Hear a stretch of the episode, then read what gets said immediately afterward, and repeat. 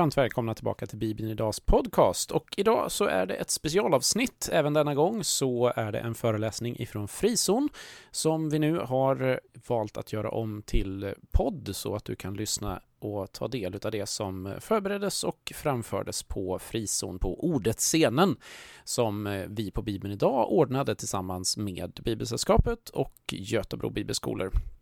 Du hoppar alltså rakt in i ett scenprogram och eh, det finns en del kringsnack och sådär, men jag hoppas du kan ta till dig utav budskapet ändå. Temat för föreläsningen är att Guds röst har olika tonlägen och eh, det behandlar stort sett frågan om genrer i Bibeln och hur vi ska förstå Bibeln eh, genom att förstå vad det är för typ av litteratur vi läser. Så jag hoppas att det blir till stor välsignelse. Jag ber att du får med dig mycket av Guds ande i din lyssning och också din fortsatta bibelläsning. Häng gärna kvar efter avsnittet för då kommer det också lite mer information. Ha det bra! Hej!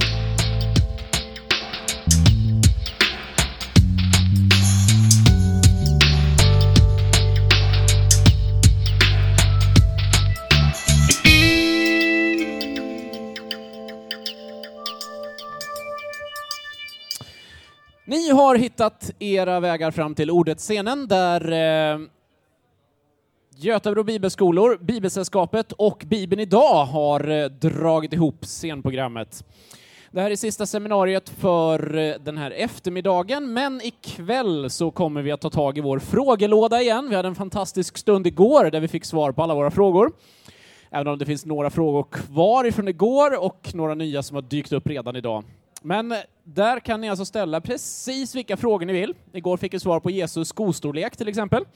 Eh, så har ni frågor av den arten eller djupare så är det varmt välkomna att komma med dem. Man kan skriva en lapp i lådan eller man kan eh, ta med sig frågan och eh, säga den högt på kvällen. 21.15 intar teologerna soffan, så då kör vi. Nu ska jag prata om att Guds röst har olika tonlägen. Vi pratar ju mycket om röster här i eh, Frizon i år. Och eh, mycket har handlat om att hitta Guds röst. Och ni har säkert hört minst en talare, kanske 15 redan, säga orden att den här boken, det är Guds ord. Guds ord, Guds röst till oss idag. Och eh, det där kan ju vara ganska kravfyllt, för många av oss som kristna har ju fått höra har vi varit i kyrkan länge så har vi fått höra det från barnsben och har vi precis kommit in så har vi fått lära oss det. Det här behöver du läsa. Det här behöver du ta till dig för det här är Guds ord, Guds röst till dig idag. Och många har nog haft den upplevelsen att ni har slagit upp er bibel, satt er ner och tänkt nu ska jag göra det som alla kristna borde göra. Nu ska jag läsa min bibel, nu ska jag lyssna till Guds röst. Och så har ni börjat läsa och så har ni fattat ingenting. Eller så har ni förstått vad det stod men tyckt att vad har det här med Gud och Guds röst att göra egentligen? Och jag tror att mycket av det här har att göra med att vi kommer ibland med helt fel förväntningar till vår bibelläsning. Så här i början kan jag lägga, passa på att lägga på en, en sån här, vad heter det, eh, disclaimer säger man på engelska, jag kommer inte ens ihåg vad det heter på svenska längre. När jag säger att läsa, då kan man minst lika gärna lyssna på Guds ord. Eh, det var ju faktiskt så som de flesta har tagit till sig Guds ord genom historien. Bibeln var ju någonting som lästes högt, som människor tog till sig. Idag kan du ju till exempel lyssna på hela Bibeln på Spotify eh, inläst, eller via diverse olika appar kan du få höra hela bibeltexten. Så när jag säger att läsa Bibeln så kan det minst lika gärna vara att lyssna på den. Vi kommer ju ofta till Bibeln med en förväntan på att Bibeln ska vara en slags instruktionsbok. Gud, vad ska jag göra med mitt liv? Gud, vad ska jag göra idag? Gud, vad ska jag göra i den här specifika situationen jag står i? Och så slår vi upp Bibeln och tycker kanske inte alltid att vi får världens bästa svar. Jag tror att mycket har att göra med att vi förväntar oss att Bibeln fungerar lite som ett andligt Google. En andlig eh, instruktionsfilm alla klassisk, nu ska jag förklara allt du behöver veta på fem minuter, YouTube-film. Bibeln funkar inte så. Och har vi den förväntan, då kommer vi till 99 procent att bli besvikna när vi öppnar Bibeln eller laddar ner den på Spotify. Bibeln funkar inte på riktigt på det sättet helt enkelt. Jag ska berätta två berättelser för dig så ska vi se om det klarnar vad jag försöker säga. Det var en eh, väldigt mörk och fuktig lokal. Luftfuktigheten var hög och de som hade samlats var svettiga. Deras kläder var alla nya. De hade aldrig använt dem förut egentligen.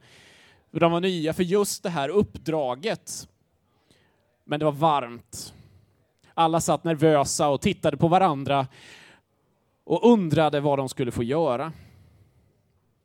När översten klev in i rummet så ställde sig alla givetvis upp i givakt.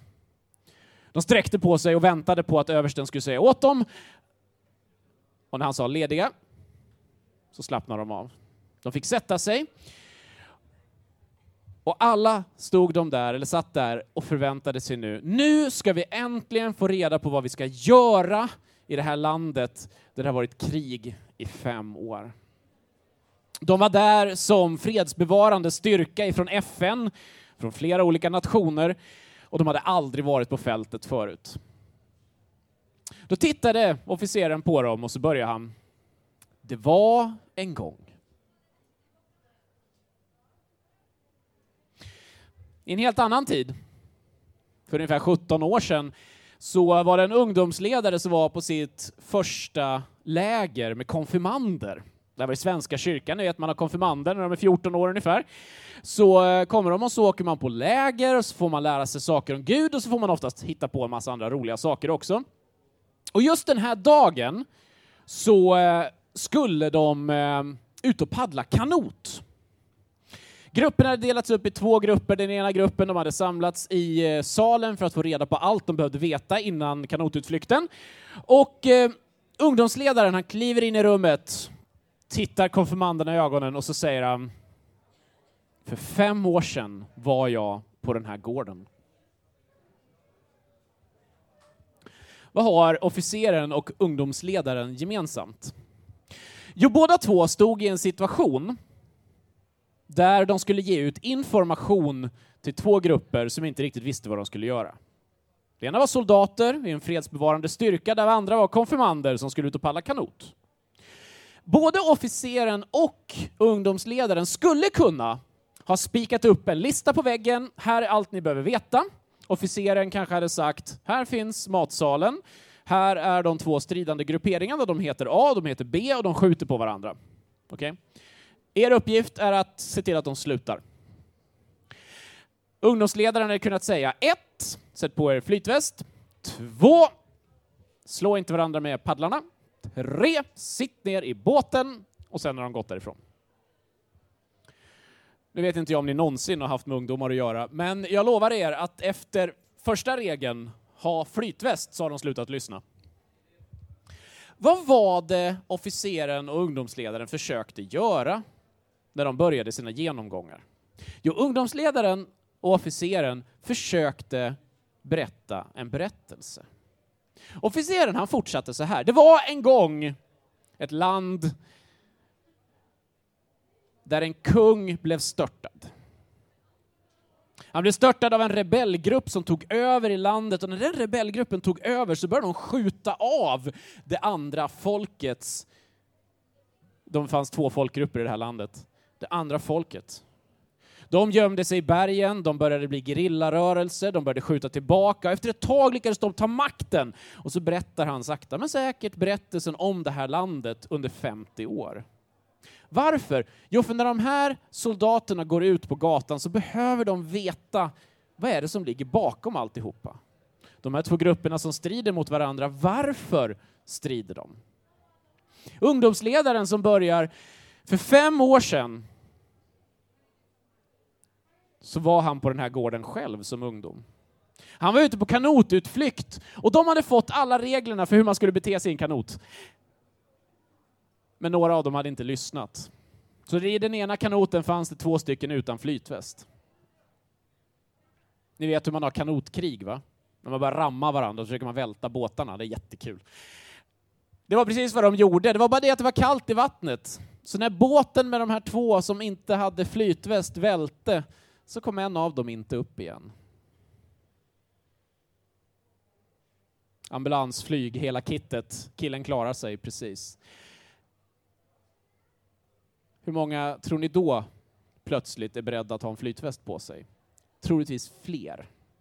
För berättelser gör någonting med oss som vi inte riktigt kan värja oss för. Vi kan sätta oss in i och förstå vad det är som händer. Och det är ju faktiskt så att när vi tittar i Bibeln så inser vi att nästan var vi än sätter oss ner och läser så är det väldigt stor risk att vi träffar på just en berättelse. Och varför har Gud gjort så? Varför ville han att när han skulle ge sitt ord till människorna så ville han att stor del av det skulle vara berättelser? Jo, för vi människor, vi är hopplösa. Vi slutar lyssna när vi kommer till punkt två på en lista över saker vi borde göra. Däremot älskar vi av naturen berättelser. Så Bibeln är full av berättelser för att vi ska läsa dem, för att vi ska möta dem, för att vi ska sätta oss själva in i berättelsen och fundera på oj, har det här med mig att göra? För då förändras vi på djupet. Och när jag varit på bibelstudierna i ladan så har eh, han delat upp Bibeln i 15 delar tror jag. Jag brukar dela upp hela Bibeln i sex delar. Och eh, den stora berättelsen som löper, den som han berättade där nere, ska man dra den jättesnabbt så är det så att Gud skapar världen. Allt är gott, det var det vita. Sen väljer människorna att vända Gud ryggen, det var det svarta. Sen väljer Gud en lite annan taktik. Han väljer ut Abraham och Sara som ska bli ett stort folk, det var det gula. Och sen fortsätter hela gamla testamentets berättelse om just det här folket. Och vad var deras uppdrag? Och de skulle få visa för andra människor vem Gud är. Men det där funkar sig sådär. Och i Nya Testamentet, vad händer då? Jo, Gud själv kliver in i berättelsen, vandrar runt med sina lärjungar där i tre år. Han berättar om vem han är, vad han är där för att göra, hur han tycker att vi ska vara mot varandra. Och sen dör han och uppstår. Och sen kommer då femte delen, om ni nu hängde med, där kyrkan börjar. Anden kom. Och sen har vi en sjätte del med evigheten, det som beskrivs i Uppenbarelseboken. Och det här är viktigare än vad man kan tro. För om Bibeln är full av berättelser som vi kan lära oss saker av och som vi kan sätta oss själva i, så behöver vi också se vart den berättelsen hör hemma. Låt mig ge er ett exempel. Om vi stannar i första akten, Gud skapar världen. Det fanns ingen rädsla. Lever vi i en värld där det inte finns någon rädsla? Lever vi i en värld där det inte finns någon ondska? Nej, det gör vi inte. Så därför när vi läser texterna i första Moseboks första kapitel så kanske vi inte känner igen oss och det är inget konstigt. För det är inte så längre. Därför kan vi heller inte agera som om det vore så. Vi kan inte gå runt och tro att allt är gott, allt är bra. För det är inte så. Sen vänder människan ryggen åt Gud. De käkar av den där frukten, de får lämna, de börjar förstå vad rädsla är, allting går åt skogen. Men det finns än så länge i berättelsen inte någon räddning. Lever vi i en tid då det inte finns någon räddning? Då ondskan på något sätt har vunnit? Nej, det gör vi inte. Så när vi läser de berättelserna i Bibeln så är inte det heller de förutsättningar vi lever i nu. Sen hoppar vi vidare till den gula fasen, min fas nummer tre, där Abraham och folket blir utvalda. Där judarna blir de som ska berätta för andra folk vem Gud är. Lever vi i den fasen? Nej, det gör vi inte. Så när vi läser berättelserna i Gamla Testamentet, så ja, det är en berättelse om oss. Det är en berättelse om människor. Men det är faktiskt inte våra förutsättningar. För no mina vänner, hur många av er här inne är judar? De flesta av er hade faktiskt inte fått vara med. Ni hade fått stå på avstånd och beundra den där fantastiska guden. Men ni hade inte fått vara med. Sen kommer Jesus, då kliver vi in i min fas 4. Han vandrar omkring. Gud är bland oss människor. Han går, lärjungarna kan gå upp när som helst. De kan väcka honom på natten klockan tre och säga Jesus, Jesus, Jesus, jag har en fråga. Lever vi i den fasen? Nej, inte det heller. Låt mig ge er ett exempel. Vad säger Jesus till sina lärjungar? Eller till människor som han botar? Gå nu och berätta inte det här för någon. Va? Är inte missionsbefallningen att vi ska gå ut och göra alla folk till lärjungar? Jo, det är det. Men under tiden då Jesus gick så sa han flera gånger, berätta inte det här för någon. Inte än. Så de levde under speciella förutsättningar som inte gäller oss. Men när anden kommer på pingsten och vi får kyrkans födelsedag så att säga, där kliver vi in i den tid som är vår tid. När breven skrivs i Nya Testamentet, då är det vår tid. Så det är faktiskt så att när du sätter dig ner och läser din bibel, fundera gärna på var någonstans berättelsen står. I vilken epok hör den hemma? Ja, jag kan lära mig massor saker om Gud i 1, 2, 3, 4, men i femman, det är där jag lever. Och hur gör man det? Alltså hur ska jag lyckas leva min, mitt liv i en stor berättelse som Gud håller på och berättar? Ja, den bästa liknelse jag har av det där, det är att tänk er en eh, kvartett. Nu kanske inte så många vill lyssna på jazz, men om ni någonsin har lyssnat på jazz så vet ni att de är ganska duktiga på att hitta på i stunden. De improviserar.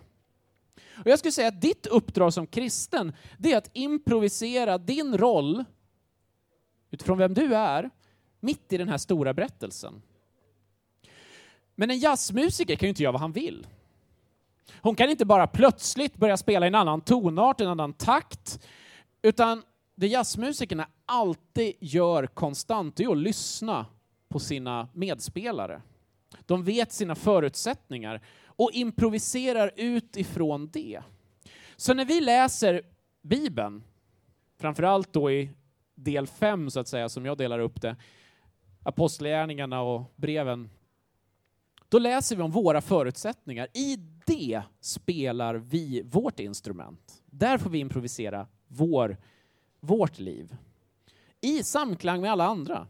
Lyssna till varandra. Det är därför som vi som kristna försöker höra hemma i grupper, församlingar, små eller stora. För att tillsammans så spelar vi den där musiken.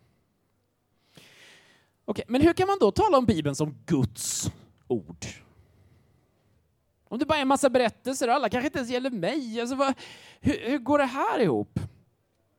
Ja, vi kan ta något av de ställena där Bibeln själv talar om det här. Från Johannes evangeliets inledning, ni fick höra orden nere på bibelstudiet om ni var där, så står det så här.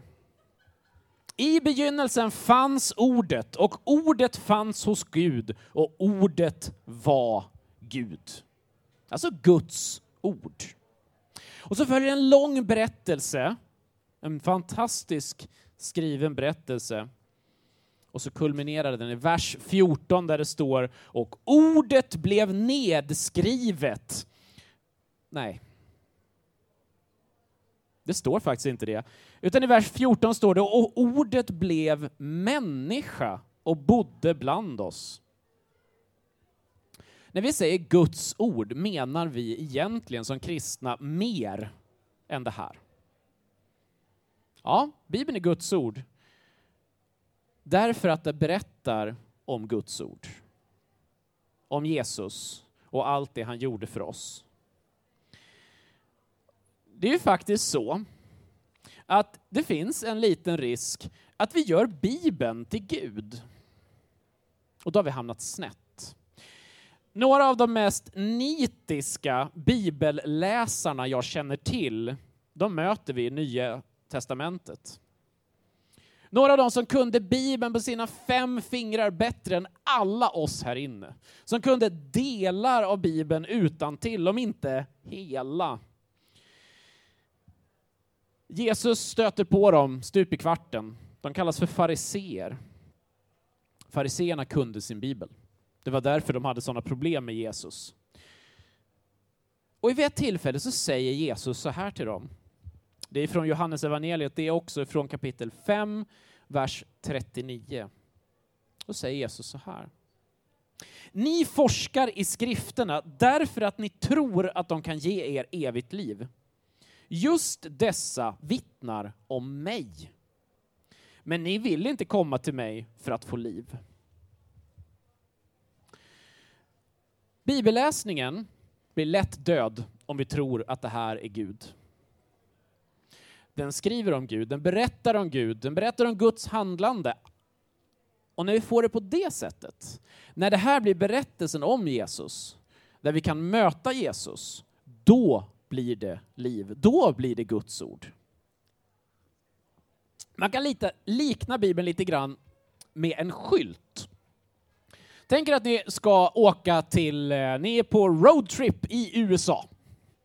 Och så kommer ni fram till ett av de ställena ni skulle till. Ni ser en vägskylt där det står Beverly Hills, fem kilometer.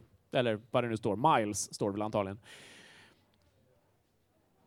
Den skylten, den är ju sann om det på riktigt är så att Beverly Hills ligger fem miles åt det hållet. Är skylten Beverly Hills? Nej, det är den inte. Det skulle ingen av oss påstå. Men ibland hanterar vi Bibeln på det sättet, som att den är magisk. Det här är Guds ord direkt till mig, precis just nu, utan att jag behöver tänka, utan att Gud ens behöver blanda sig i det. Men om du tar den där skylten, Beverly Hills, och så förflyttar du den till en helt annan plats och låter den peka på någonting helt annat. Det har faktiskt drabbat mig. Jag kommer från en liten håla som heter Grängesberg. Inget jubel på det, nej. Eh, woo! Tack! Det ligger utanför Ludvika som ligger i södra Dalarna.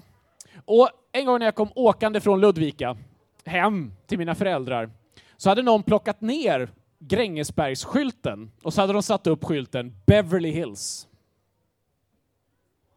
Kom jag till Beverly Hills då?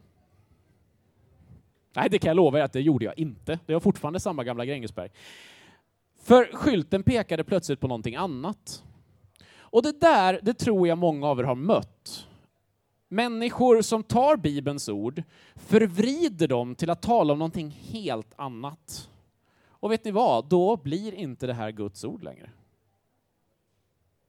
Vi kan faktiskt förstöra Bibeln genom att vända och vrida på den till att säga saker som Bibeln faktiskt inte säger.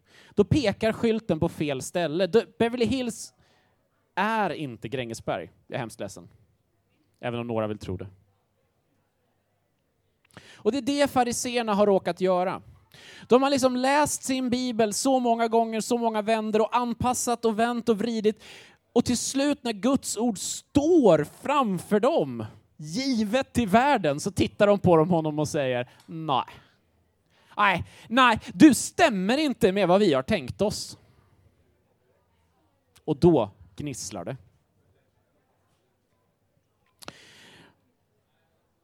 Om du hoppar in i Bibeln, var som helst, och börjar läsa,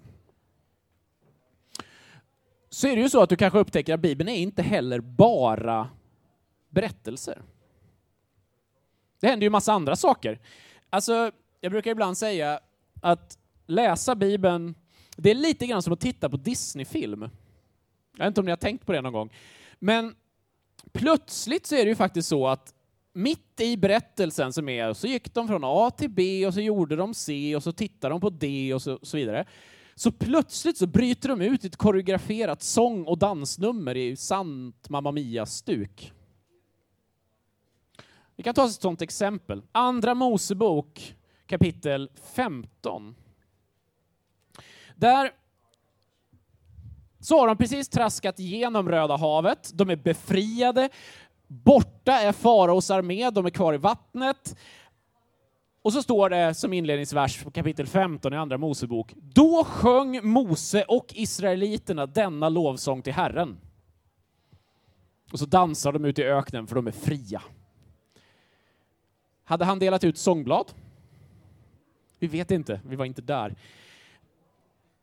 Men det här i både stort och smått händer lite från och till i Bibeln.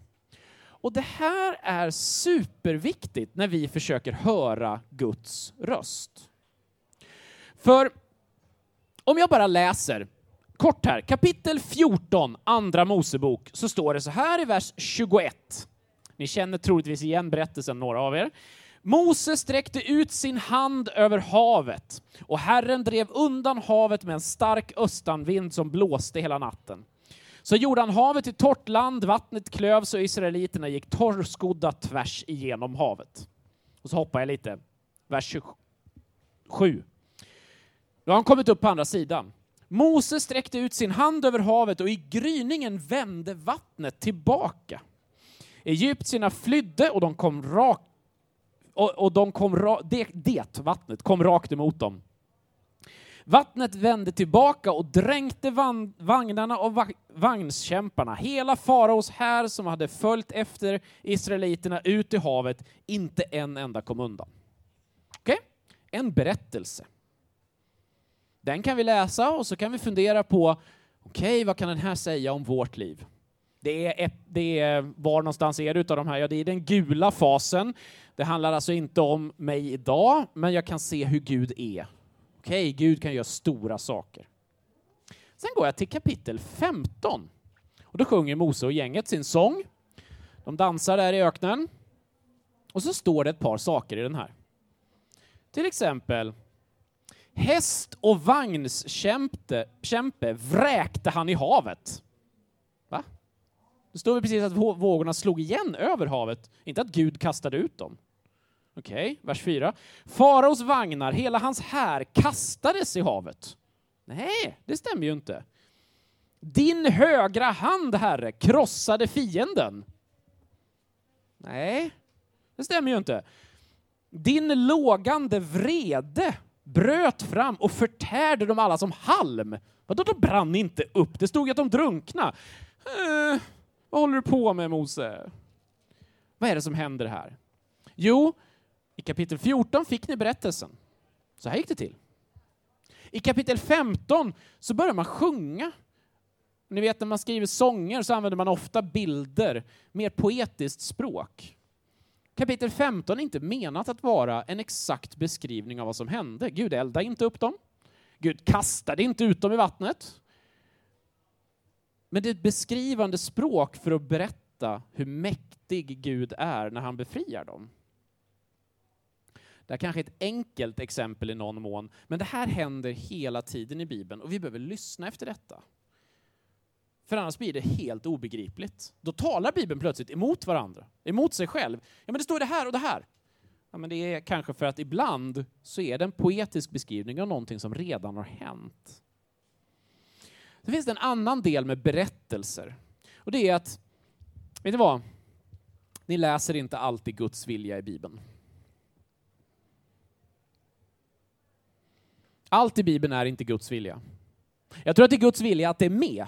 Men väldigt mycket i Bibeln, det är människor som hittar på tok och säger en massa konstiga saker. Om ni går till Bibeln och tänker, nu ska jag göra som Gud vill, och så läser ni om hur Jakob behandlar sin bror. Jakob och Esau. Han lurar honom, han blåljuger, han snor arvet. Så, nu ska jag göra som Bibeln säger, jag ska blåsa min bror på hela arvet. Det blir bra. Nej. För Bibeln är många gånger skriven, eller ja, den är ju skriven om verkliga människor som berättar berättelser som inte alltid får en förklaring. För den är skriven för att vi ska reagera och tänka själva. Ska jag göra som Jakob eller inte? Är han ett varnande exempel eller en förebild? På vissa sätt är han en förebild, på andra sätt ett varnande exempel. Det här är för att det ska hända saker med oss. Sen kan man ha andra exempel på att det där inte alltid är så lätt. Om man hoppar till en bok som kanske inte så många av er har läst, vet jag inte. Det skulle vara spännande att göra en undersökning på hur många i på frizon som har läst Jobb? Ah, oh, yes!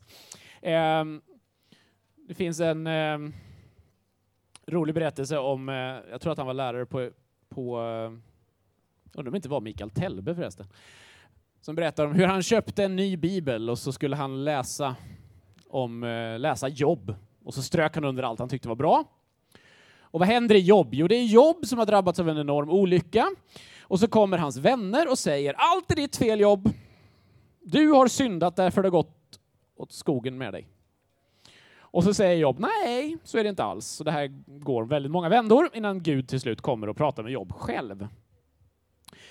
Och i slutet där så säger, säger Gud till, till Jobb, dina vänner, allt de har sagt är lögn.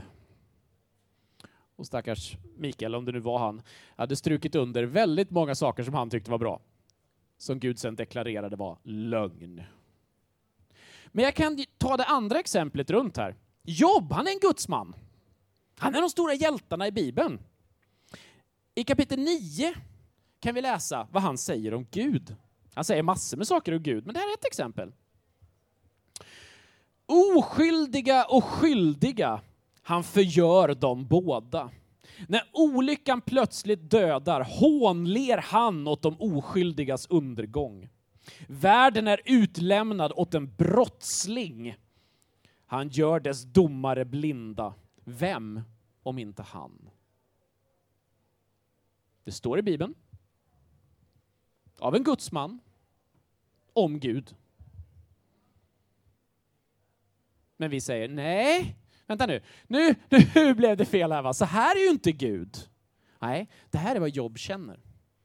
Så här känner han gentemot Gud. Och Jobb är en förebild i att han alltid säger till Gud vad han tänker om Gud. Och Gud kommer och möter honom sen. Men om jag slår upp det här och så ska jag lära, så här, oh, jag, har, jag har en kompis här som vill veta mer om Gud. Vi tar någonting, bara vad som helst i Bibeln, för att allt i Bibeln är ju Guds ord. Och så ska vi säga, hur är Gud? Jo, Gud han hånler åt...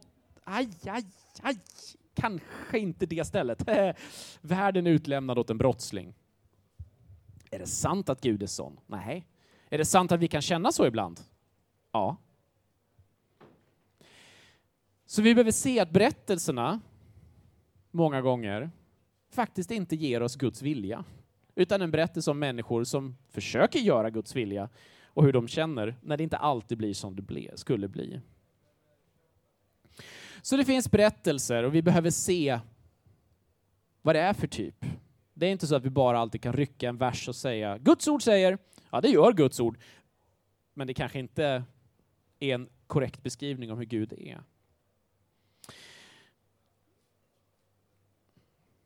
Har du skrivit ett kärleksbrev någon gång? Ja, några av er kanske, lite grann. Eh, man brukar inte alltid vilja erkänna det. Jag lärde mig en formel någon gång när jag var ung och singel. Eh, ska jag skriva ett kärleksbrev till en flicka så skulle jag skriva för hand. Ja, det är viktigt. Jag skulle ha med minst något stavfel, för att det visar att jag liksom var äkta. Jag skulle beskriva hur fantastisk hon var, Eh, gärna med så här smöriga bilder, så att hon liksom verkligen kände sig älskad. Jag kan säga att det tog väldigt lång tid innan jag fick flickvän. Eh, sällan så skriver vi kärleksbrev, om vi nu gör det, eller sånger och så vidare, där vi bara beskriver rakt upp och ner människan i fråga. Oh, Lovisa, vem det nu säger vi. Du har blont hår, blå ögon, fylliga läppar. Du hade blå kläder när vi träffades. Gympaskor. Nej, vi skulle antagligen börja bre på med hur ögonen är blå som havet en torsdagkväll i Jörlanda. Inte vet jag.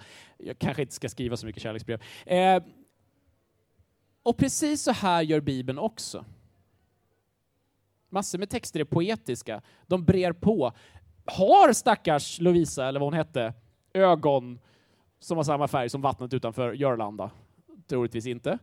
Men vi försöker beskriva en verklighet med poesi. Och Bibeln jobbar så också.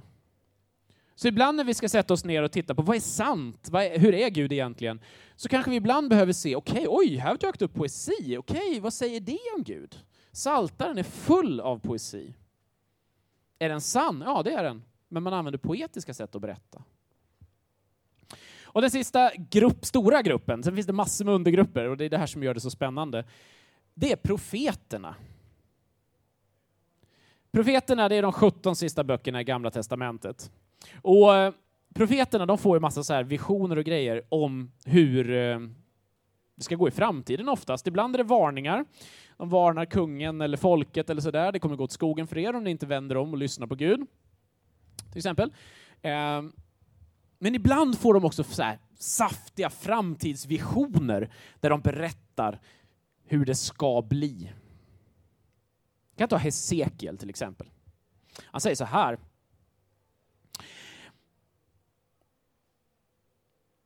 Herrens hand rörde vid mig och med sin ande förde han mig bort och satte ner mig i dalen. Den var full av benknotor. Han ledde mig runt och jag såg dem ligga överallt i dalen, helt förtorkade. Och han frågade mig, människa, kan dessa ben få liv igen? Han svarade, profetera och säg till dessa ben, förtorkade ben, hör Herrens ord. Så säger Herren, jag ska fylla er med ande och ge er liv. Jag ska fästa senor på er, bädda in er i kött och dra hud över er. Jag ska fylla er med ande och ge er liv. Då ska ni inse att jag är Herren. Är det så att eh, Bibeln här beskriver hur någon någon dag kommer vara ute och traska i en öken någonstans och inse wow, här är fullt med benknotor. Herren säger, reser upp, få kött. Nej. Vad är det här? Det här är en profetisk text. Den här talar in i en historisk situation när folket var i fångenskap. Allt var skit.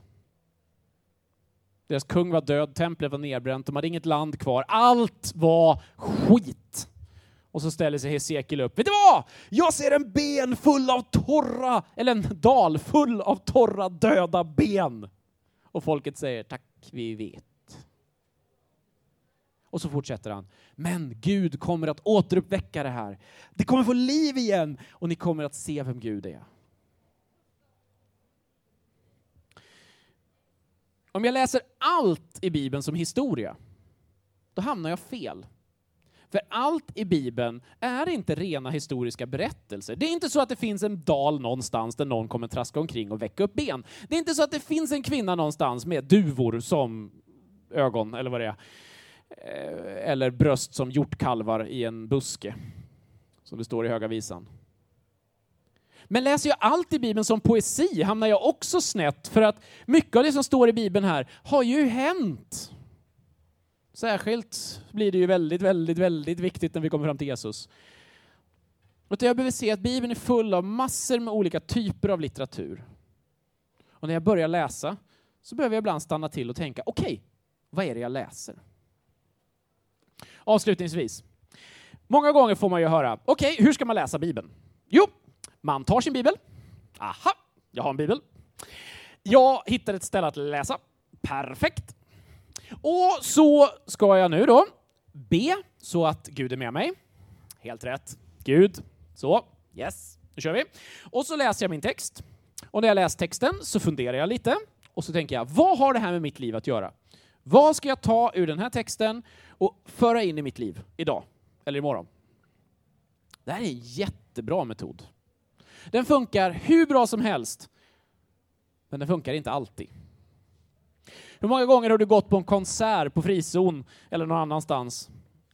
Och så har du stått framme vid scenen, du har hoppat, du har studsat, du har liksom upplevt musiken och så har du plötsligt stannat och så har du sagt Gud, vad ska jag göra av det här imorgon i mitt liv? Eller traskat omkring i ett, eh, ett galleri fullt med konst och så har du ställt dig och tittat på en målning och så har du sagt till dig själv, eller till Gud, Gud, jag vill ha tre saker ur den här målningen som jag ska göra imorgon. Troligtvis inte. För att alla texter i Bibeln är inte gjorda för att tillämpas. Gud kan tala genom alla texter i Bibeln. Gud kan lära oss saker genom alltihopa. Gud kan låta Jesus skina igenom varenda blad i den här boken. Han säger själv, hela den här boken handlar om mig. Men vissa av de här texterna tror jag Gud har med bara för att vi ska fascineras. Bara för att vi ska stanna upp som vi gör vid ett konstverk och tänka wow, vad Gud är stor. Eller fastna i poesin och tänka, tänk vad fantastiskt att Gud har skapat människor så vackra att vi kan falla i och bli förälskade. Jag tror Bibeln ibland blir behandlad så att den blir fattig. För att det finns så mycket här som Gud har tänkt att vi ska läsa på lite olika sätt. Så sammanfattningsvis, Bibeln är Guds ord. Jag tror det fullt och fast. Men Guds ord är inte bara Bibeln. Jesus är Guds ord. Och Bibeln berättar om Guds ord och det är då den blir Guds ord. Om vi hävdar att den här boken berättar om någonting annat. Då hamnar skylten fel. Ja, och då handlar det ju inte om Bibeln längre. Det handlar inte längre om Gud eller Jesus. Vi behöver se vilken del av Bibeln som texterna hör hemma i. Är det i skapelsen, ja då är det kanske inte så som jag ska reagera just nu. Är det någon av de andra delarna så behöver jag fundera på, okej okay, jag kan ta någonting med mig av det här, men det här är inte min tid. Läser du i Apostlagärningarna och i breven, ja, då är det din tid. Då kanske jag behöver ta det här på ett annat sätt. Din roll som bibelläsare eller bibellyssnare, är att försöka se, okej, okay, hur kan jag improvisera min roll utifrån mina förutsättningar tillsammans med alla andra mitt i den här berättelsen? För det här är min berättelse. Och leta efter vad är det för typ av bok du läser, för det betyder olika saker. Det gör att du måste läsa texten på olika sätt för att den ska tala till dig. Du kan inte ta en poetisk text och säga, ja ibland kan du, men oftast inte, och säga okej, okay, ge mig tre principer av det här som jag ska ta i mitt liv. Å andra sidan finns det andra texter där du verkligen, till exempel bergspredikan, kan läsa och tänka okej okay, Jesus, var väldigt konkret i den här texten har att göra med mig idag. Älska dina fiender är inte en poetisk beskrivning. Tyvärr. Det hade varit så mycket bekvämare.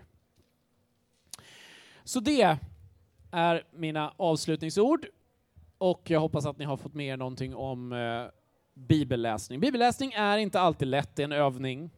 Vi jobbar både i Bibelsällskapet och Bibeln idag på att hjälpa till med bibelläsning, både för grupper och för enskilda. Så är det så att du känner att oh, jag vill, men hur ska jag göra? Så eh, haka tag i mig, haka tag i Magnus eller någon annan som traskar omkring här inne så hjälper vi er hemskt gärna att komma igång. Eh, och har du andra frågor du kan komma fram och ställa dem, eller så kan du ta en lapp och lägga dem i frågelådan, så tar vi upp det ikväll 21.15. Tack för att ni lyssnade.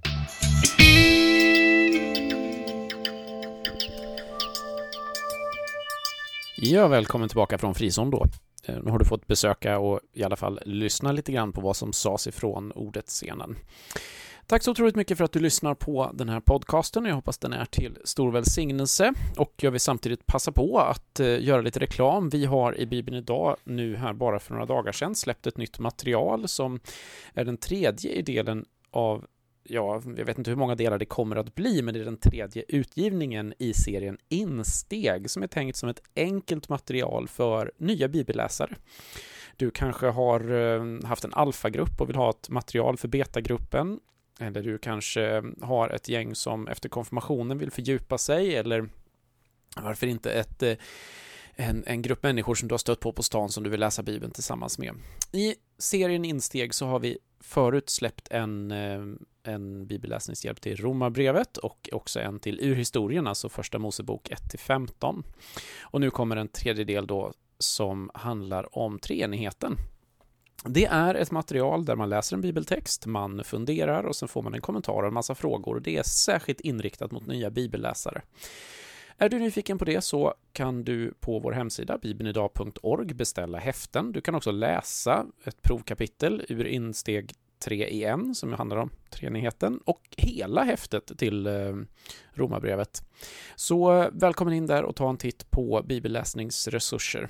Och för din egen del så vill jag också tipsa om Bibeln idag, vår kommenterade bibelläsningsplan som man kan prenumerera på och på så sätt få en bibeltext att läsa varje dag, men också en medvandrare i form av en kunnig skribent som eh, har läst texten före och skrivit någonting nyttigt och och eh, förhoppningsvis uppbyggligt till dig som läser så att du får mer ut av texten och är en del av en större bibelläsande sammanhang.